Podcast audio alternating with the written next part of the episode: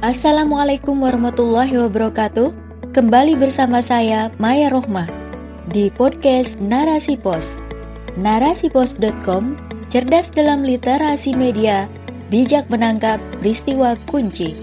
Rubrik opini.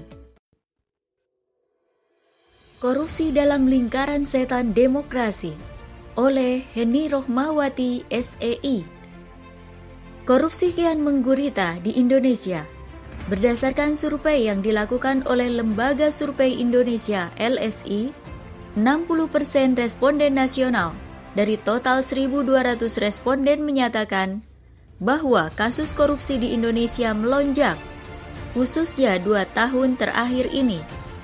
Ini tanggapan publik atas pengelolaan dan potensi korupsi sektor sumber daya alam. Fakta yang tak kalah mencengangkan adalah diangkatnya mantan koruptor Emir Muiz menjadi komisaris BUMN. Tentu hal ini melukai rasa keadilan dan bertentangan dengan syarat-syarat untuk menjadi komisaris BUMN. Mengingat syarat material yakni dalam hal integritas dan moral, yaitu perbuatan rekayasa dan praktik-praktik menyimpang dalam pengurusan perusahaan, berbuat tidak jujur. Namun, tetap saja aturan terus ditabrak. Fakta-fakta demikian menegaskan bahwa kasus korupsi masih menjadi PR besar bangsa ini. Seolah kasus korupsi ini makin menggurita dan berada dalam lingkaran setan yang tidak ada ujungnya. Meskipun telah ada Komisi Pemberantasan Korupsi KPK, tapi nyatanya makin hari kasus korupsi makin menggila. Akar masalah korupsi Korupsi yang terus meninggi disebabkan oleh sistem politik berbayar mahal di negeri ini. Sistem politik transaksional yang menjadi penyokong para pejabat bisa duduk di jabatan tinggi. Karena mahalnya luar biasa, maka dana dikocek sendiri tak mencukupi. Dari sinilah para kapitalis dibutuhkan untuk menggenapkan berbagai sarana pelicin politik untuk meraup suara rakyat meski biayanya over capacity. Akibat praktik politik tidak sehat inilah akhirnya menghasilkan politik balas budi. Para pejabat yang duduk di berbagai bidang strategis tak lagi dinilai dari ilmu dan skillnya yang mumpuni. Bahkan, mantan koruptor saja bisa duduk menjadi Dewan Komisaris BUMN. Sungguh keblinger. Dampak bagi rakyat Dengan demikian, jabatan-jabatan penting dan strategis tidak diampu oleh orang yang pantas apalagi pakar. Ketidaksiapan ilmu dan kemampuan manajemen, apalagi pengalaman pun dilewatkan alih-alih memajukan negeri yang ada kondisi rakyat makin terpuruk. Sebagai contoh, BUMN yang hakikatnya milik rakyat tak lagi bisa diandalkan untuk memperbaiki kondisi rakyat. Kerugian demi kerugian pun menjadi isu santapan saat ini.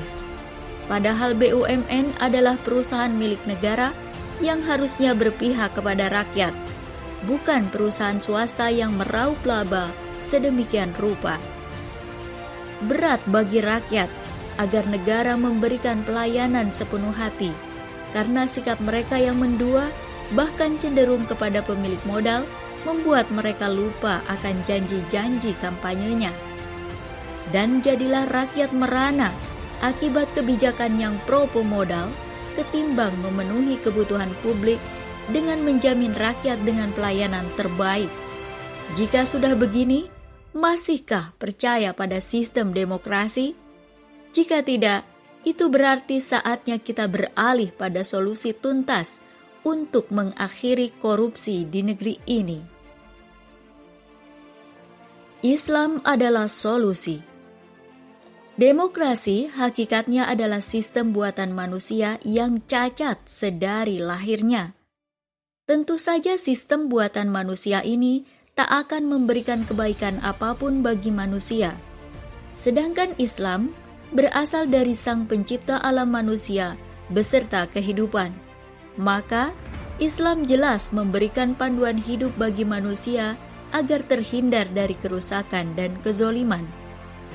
Dalam Islam, sistem pemerintahannya adalah khilafah.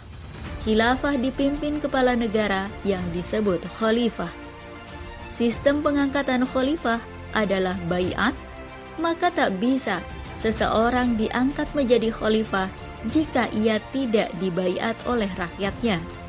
Dalam masa pencalonan khalifah, para calon hanya memiliki sedikit waktu untuk kampanye. Dan sebelumnya, mereka telah memenuhi kriteria-kriteria tertentu yang ditetapkan. Jika mereka telah sesuai dengan kriteria yang ditetapkan, maka para penyelenggara pemilihan khalifah akan melihat dan mendengar calon mana yang akan dipilih oleh umat. Hal inilah yang dilakukan oleh Abdurrahman bin Auf. Ia menjadi panitia pemilihan khalifah pada masa pemilihan antara Utsman bin Affan dan Ali bin Abi Thalib. Saat itu umat lebih memilih Utsman bin Affan untuk menggantikan Umar bin Khattab sebagai khalifah sebelumnya. Demikianlah secara ringkas gambaran pemerintahan Islam dan sistem bayatnya. Tidak butuh waktu lama dan biaya yang besar. Dan yang pasti, calon khalifah harus sesuai dengan kriteria hukum syara yang telah ditetapkan oleh Allah dan Rasul-Nya. Jika demokrasi hanya memberi harapan palsu, maka sudah saatnya kita berhijrah menerapkan sistem Islam Wallahu alam bisawab.